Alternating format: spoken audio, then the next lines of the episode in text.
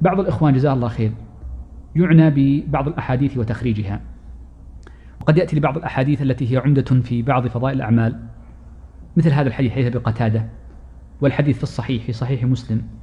ثم يأتي فيقول إنه لم يثبت فيه حديث ويضعف الحديث. ومثله يأتي في الأيام البيض ويضعف حديث أبي ذر عند الترمذي. ومثله يأتي لحديث ركعتي السنة بعد الانتظار لصلاة الفجر اللي هي سبحة سبحة السبح وأن لها أجرا. ثم يأتي أيضا كذلك للركعات الأربع قبل العصر وغيرها من المسائل. هذا هذا المسلك أحيانا فيه إشكال. أولا يجعل كثيرا من طلبة العلم يبتعد عن السنن ويهجرها. نعم نحن نقول إن السنة ما لم يرد بها دليل ثابت فإنها لا تشرع.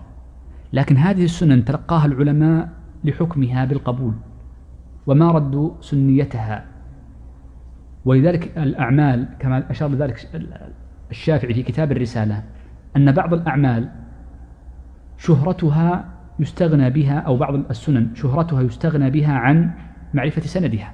وهي طريقة ابن عبد البر كثيرا جدا في, في, التمهيد يقول وشهرة هذا الحديث يغني عن النظر في سنده. هذا الذي قصده الشافعي عندما قال ما استفاض بين أهل العلم. ولذا قد يعل الحديث بضعف عند بعض أهل العلم لكن يعمل به. أحمد في أكثر من مسألة ضعف الحديث قال لا يصح لكن قال العمل عليه. ضعفه وقال والعمل عليه. في أكثر مسألة في مسألة النبيذ والأشربة في مسألة